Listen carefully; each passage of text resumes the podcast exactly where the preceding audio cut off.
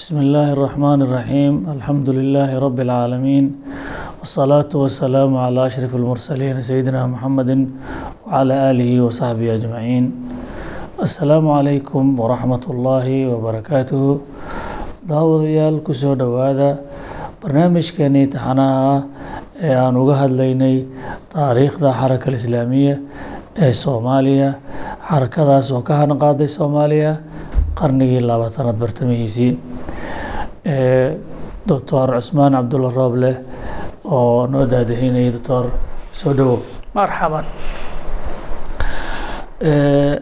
xalaqada labada xalaqadihii ugu dambeeyey oo marxalada ay xarakada soo martay oo la dhihi karo marxaladii ugu adkaa uguna xanuunka badnaa ahayd oo runtii intay socdeenna aan dareemeynay kulaylkeeda iyo xanafta ay lahaayeen waa tii ku soo gabagabowday inay ku soo dhammaatay in maxaan ku rahdaa laba itijaah la kala qaatay huduuna uu dhacay.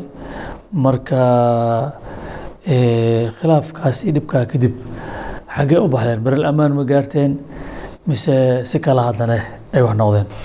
Bismi illaahi raxmaan raxiim runtii waxaan bilownay habeenkii ugu dambeeyey inaan ka taariikhayno taariikh ahaan ilaa siddeetan iyo kowdii ilaa sagaashankii tobankaas sane oo u dhexaysay waxaan dhihi karnaa xoogaa waa sanawaad arrintooda ay aada iskiga deganeed dhacdooyinka dhacayna aysan saa u kululeen wax maxaa yeelay annaga qeybtayni waa sanawaadka aan ku mashquulsaneen cilmiga barashada islaamka inaan hoos ugu degano oo waxaaba la dhici waxaa la dhihi karaa waxbarasho ayaan u jeesanay dhinacaasaan xoogga saarnay waktigayn intiisii badneedne taas ayuu ku baxayay. Saa darkeeda dhacdooyinka dhacayay wax badan oo inaan hadda ka sheekayna aada ugu baahan. Ma aha waxaanu ka soo qaadan doonaa meelaha waxyaalaha qaarkeed oo aan laga tegi karin oo ka qeyb qaadanaya in qofka uu fahmo habkii ay xarakadan u socotay xaraka alislaamiya fi somaal dhacdooyinkeedii in suureynteeda aan looga maarmin un baan xoogaa dul istaagi doonaa laakiin sanad sanad ma u istaagi doono sidii kuwii hore oo kale. Waa gartay taa waxaan u fahmay marka marxaladan cusub markii la soo gaaray waxa ay jamaacadu ku mashquulshay siday dib isugu habeyn lahayd manhajka cusub ay qaadatay ay si fiican isugu dhaqi lahayd gaar ahaan inay u jeesto dhismaheeda gudaha aqoonta iyo tarbiyadaba. Ayib marka haddee saas markii loo jeestay oo waxbarasho iyo tarbiyo loo jeestay oo cilmigiina aada loogu runtii faa'iidaystay laga bilaabo kow iyo siddeetankii ilaa sagaashankii. Haddee waxyaalo kaloo fara badan ayaa dhici karta in lahayn bal waxbarashada ka sokow maxaa kaloo astaamaha ama ay calaamado ama la dhihi karo waa lagu xasuusan karaa? Marxaladaas maxaa ka mid ah? Waxaan ka bilaabeynaa tii ugu dambeysay oo aan sheegnay markii loo soo guuray manhajkan cusub sanawaadkii ugu horreeyey waa tii xoogga la saaray xagga tarbiyada bal horta nolol fiican inay dadki soo gasho. Kabacdi markii xoogaa lasiri taas cagaha ay dhigatayne loo soo jeestay dhinaca xoojinta waxbarashada culumta islaamka. Haddee waxaan sheegnay haddii culumta islaamka markii loo jeesto kutubadii tafaasiil maaragtay loo galo oo dadkii oo dhan wax soo jamcin maaragtay maxaan ku idhaha kutubtii ay ku mashquulaan. Waxaa dhici karta xoogaa in dhinacii kaleo tarbawiga ahaa mashruucii barakada badnaayo markii horeba la bilaabay oo ahaa qur'aanka sidii loola noolaa lahaa in xoogaa dabac uu galo ayaa dhacaysay iyadoo dhinacii cilmi ahaana loo faa'iidaystay. Laakiin waxaan rabnaa in aan meeshaan ka sheegno xoogaa waxa aan dareemi doono dhinacan tarbawiga hoos ma un ahayn faqad ku mashquulidda lagu mashquulay xagga waxbarashada oo hoos looga degay.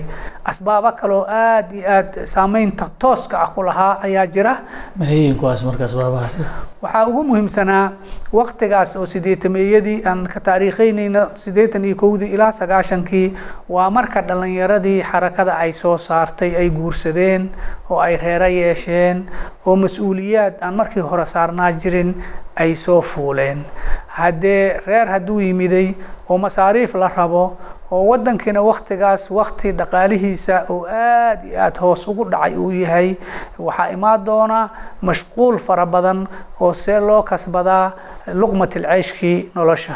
Sababtoo ah waxa dhaqaalaha waagaas ee hoos aada ugu dhaca keenay waxa weeye mushaaradii la qaadanayay oo waagii hore qofka wax weyn u tari jiray wax weyn u tari jiray hadda waxba waa tari waayeen. Waagii hore maxaan ku idhaahdaa ardayga xataa dugsiga sare markuu ka baxa shaqaalo noqdo mushaarka uu qaadanayo qoyskiisa inuu ku filnaado iska dhaafe.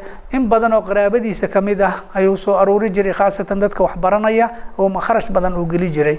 Laakiin hadda waxaa dhacaysa mushaarkiisii inuusanba bisha xataa usbuuca ugu horreeya uusan ku filnaanin taas waa mid waxyaalaha taas keenay waxaa ka mid ah shilinkii soomaaliga oo aada u qiimo dhacay oo wuxuu goynayaba aysan jirin.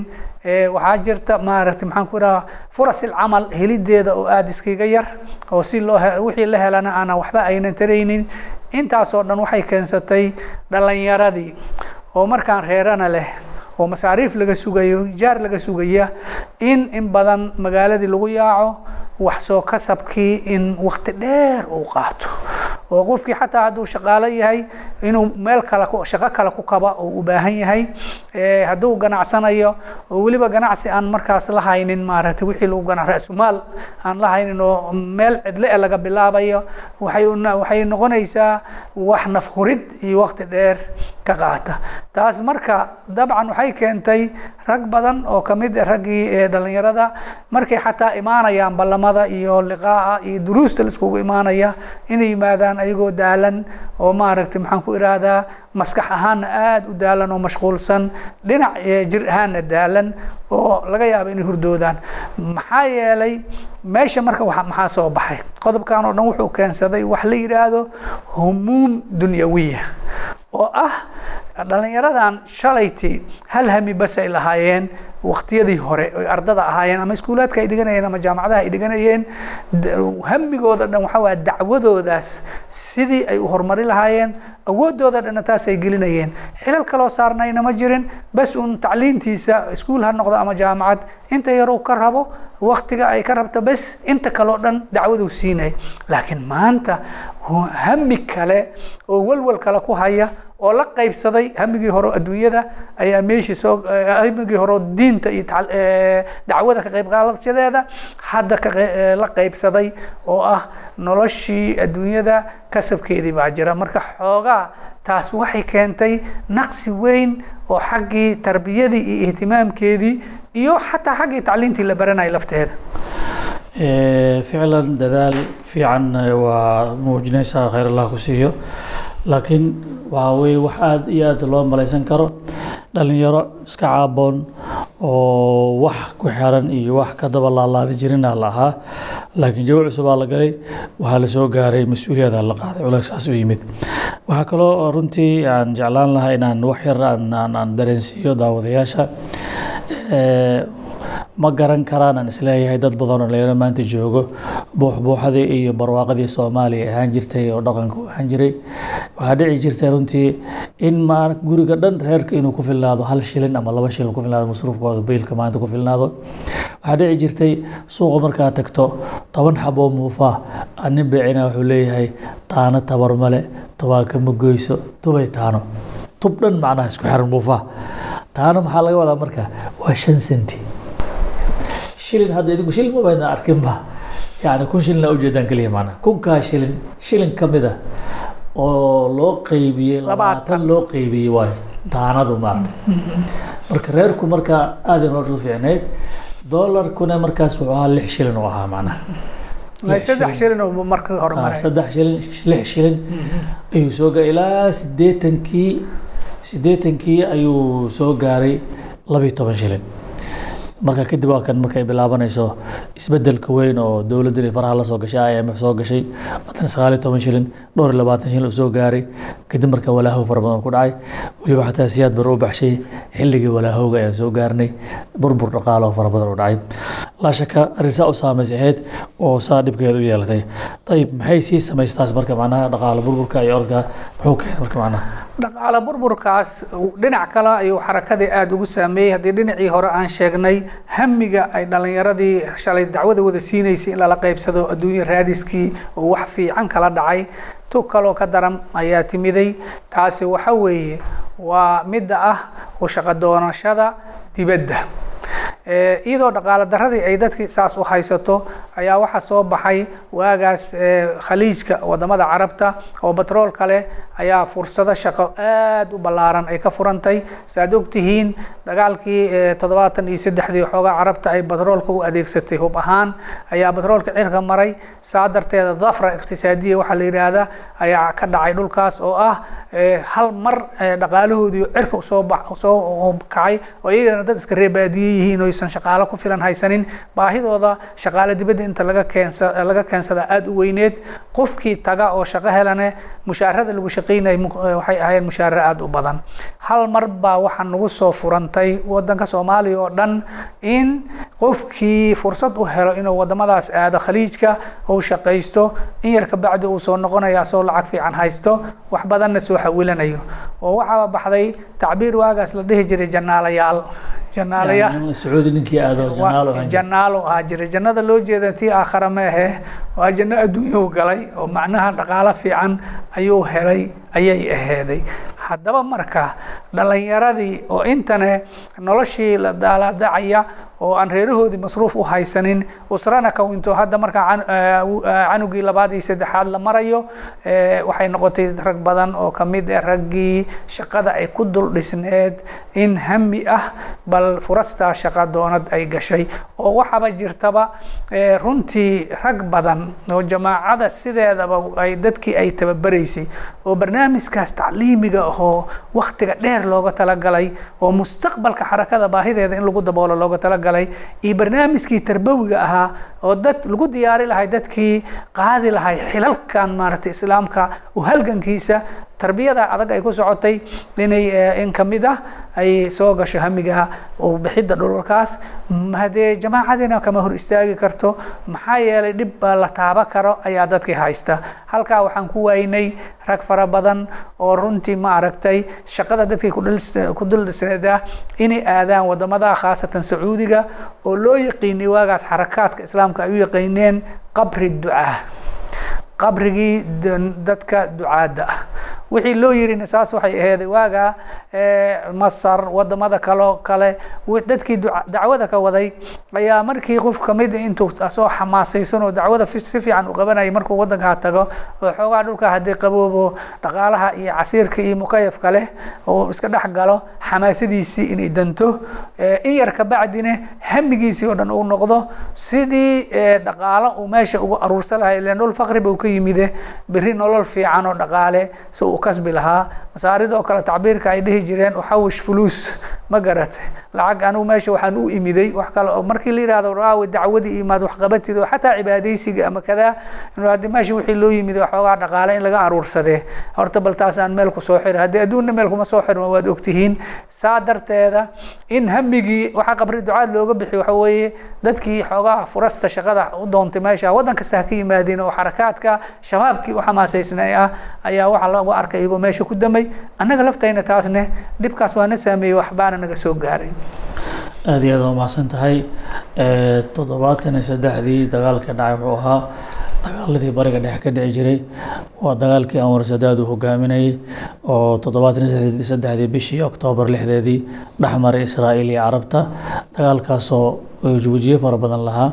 Kadibna carabta u adeegsatay batroolkeeda inay isticmaasho dagaalahan u isticmaasho.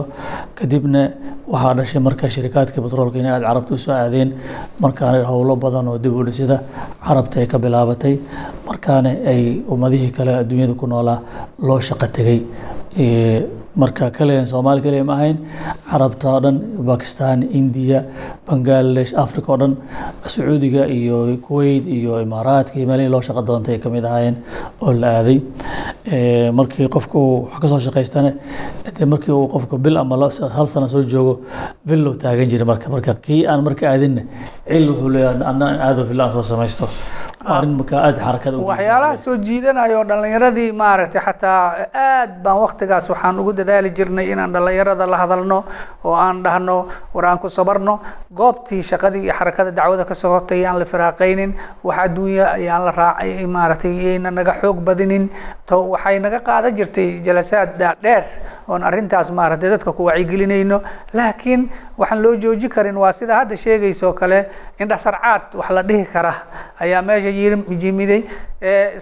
Arday ayaga maaragtay shalayta iskuulka la dhiganayay oo xataa iskuulka intuusan dhamaysanin ka tegay ama markuu dhamaystay jaamacad aan aadin oo xagga aaday ayaa laba sano saddex sano kabacdi fasaxa markuu yimaado isagoo villa gadanaha la arkaya baabuur gadanaya. Waxay caan ku noqdeen waagaas inay soo dirsadaan xataa lacag oo basaska magaalada ka shaqeeya. B lka la dhihi jiray ay la yidhahdo laba bas saddex basaa u shaqaysa in la yidhaahdo ayaa dhici jirtay. Waxaa dhici jirtay in marka uu yimaado xoogaa uu wato tujaarta qaraabadiisa ama dadka saaxiibadiisa inuu maalgashi ku sameeyo u dhiibto. Oo in yar la yidhaahdo tijaara ayaa maaragtay u bulaashay waxaa intaas ka sii dheereed tujaarta xamar joogto oo dhan waagaas waxaa la dhihi waxaa jiri jiray wax frankfluta la yidhaahdo oo ah dowladda maadaama shuuci ay aheeday lacagta adag inay wadanka ka baxda ma jecleen.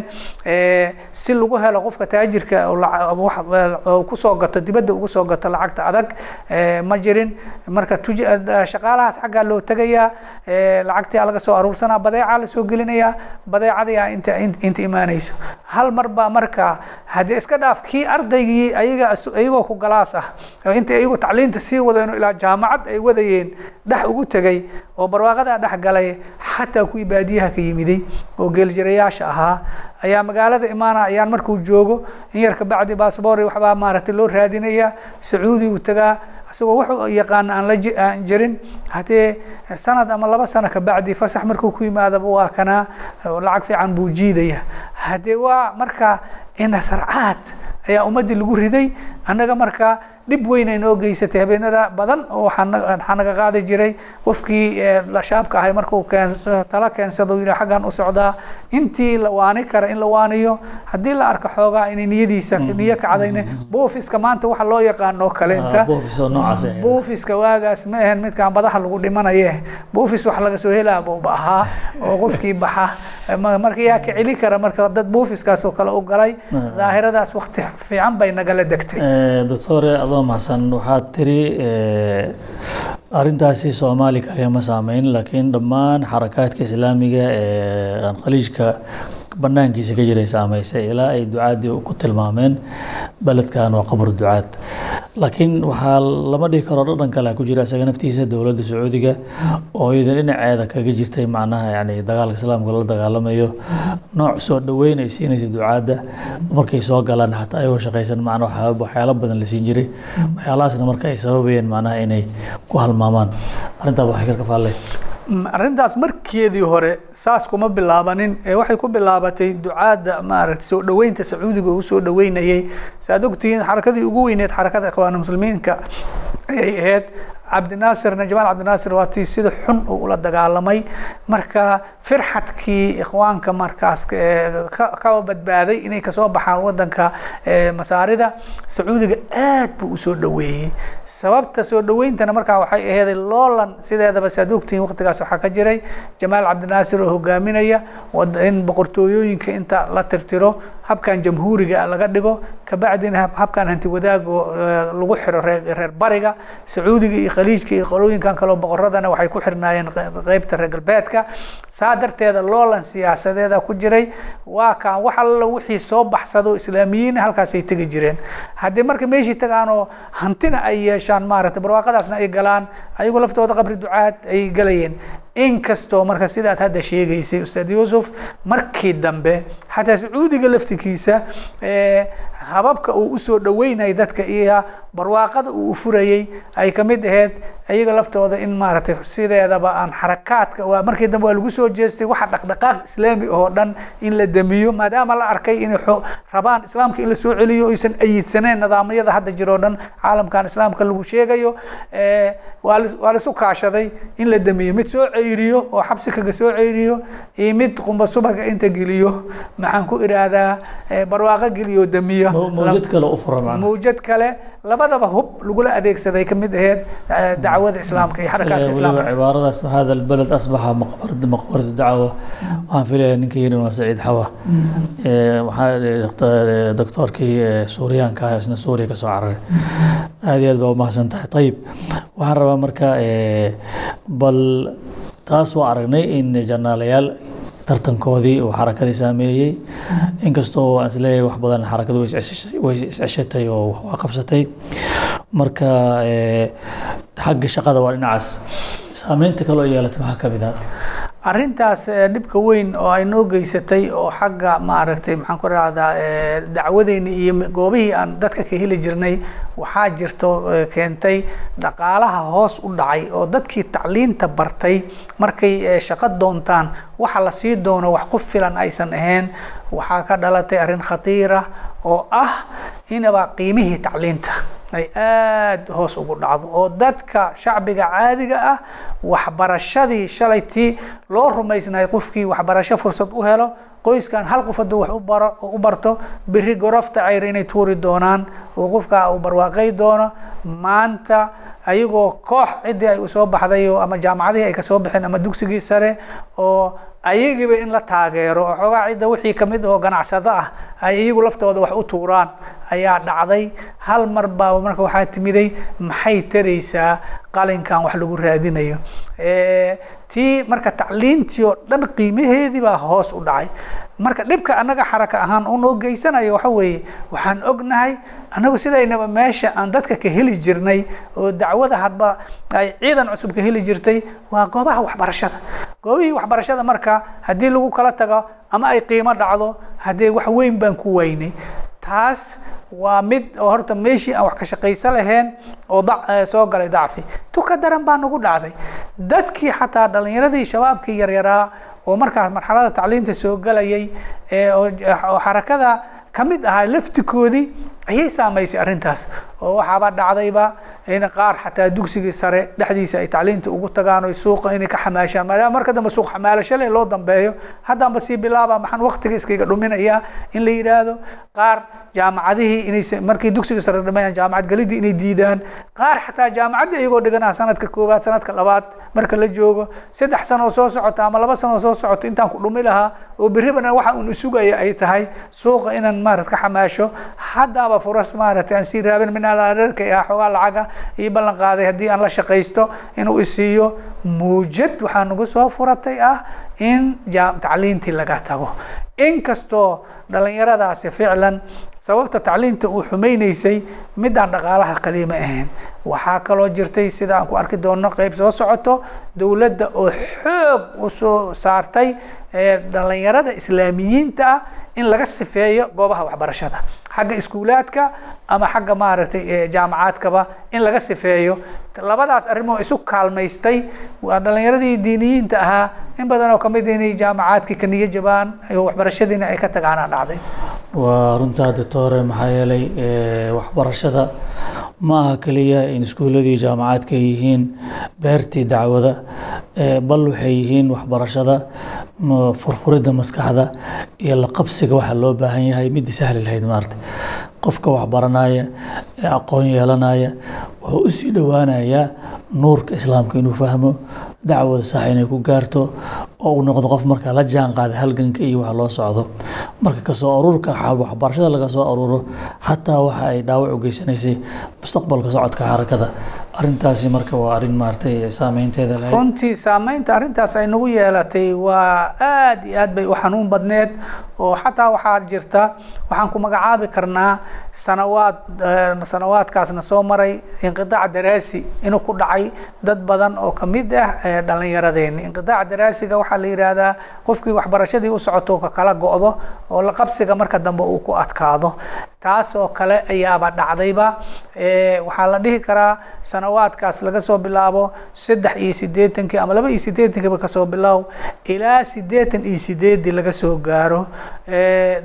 Dhalinyaradii qeyb badan oo ka mid ah ayaa tacliintii ka kala go'day oo isku daygii hogaanka maaragtay xarakadana uu isku dayayay in lagu qanciyo dhalinyaradii inay maaragtay tacliintii sii wataan dhib weyn lagala kulmay. Waxaan isdhihi karnaa markii la soo gaaray siddeetan iyo sideedii oo dhalinyaradii ay dad waaweyn noqdeen oo reerana iyagoo hore u yeeshay runtii ay dhacday ayaa la fahmay tacliinta aan ka baxnay dhibka ay noo geysatay wacyigelin badan oo xubnaha maaragtay maxaan ku dhaha xarakada lagu sameeyey ayaa waxay keentay in mar labaad haddana qaarkood ay ku noqdaan waxbarashadii ayagoo dhowr sane ay ka dhuntay oo xataa reero leh oo xataa ayagoo qaarkood ganacsanaya in tacliintii lagu noqdo. Dadka dambena markaas markaas iskoolaadka ka soo baxayne inay naga ogolaadaan inay tacliintooda sii wataan. Wakti dambe ayaa dib kabasho ayay nagu dhacday. Waa waa arrin aada iyo aada u qiimo leh. Jamaacadan waxay caan ku ahayd ihtimaamsiinta iyo aada iyo aada loogu dadaalo xagga waxbarashada. Ayadoo u aragta waxbarasho inay u tahay furaha shaqada dacwada iyo dadka horumarintooda muujinaysana islaamku inuu yahay xadaara insaaniya oo nolosha ilbaxnimo insaannimo inuu yahay islaamka. Ilbaxnimadanaasina waxaa furaheeda ah cilmiga iyo barashadiisa oo aslay u tahay caqiida islaamka oo la qaato. Arrintaasi marka waxaa ka muuqda marka duruuftaas waaqica ujeednaa dhinaca kalena doorka wuxuu sii ishaaray in culays xagga xukuumadda ka mid uu jiro. Arrintaas iyadana xasaasiyadeeda leh. Waxaan rajeynaya insha allah xalqa soo socota inaan uga hadalno ilaa aan ka gaarnana waxaan leenahay. Asalaamu calaykum waraxmat ullahi wabarakaatuh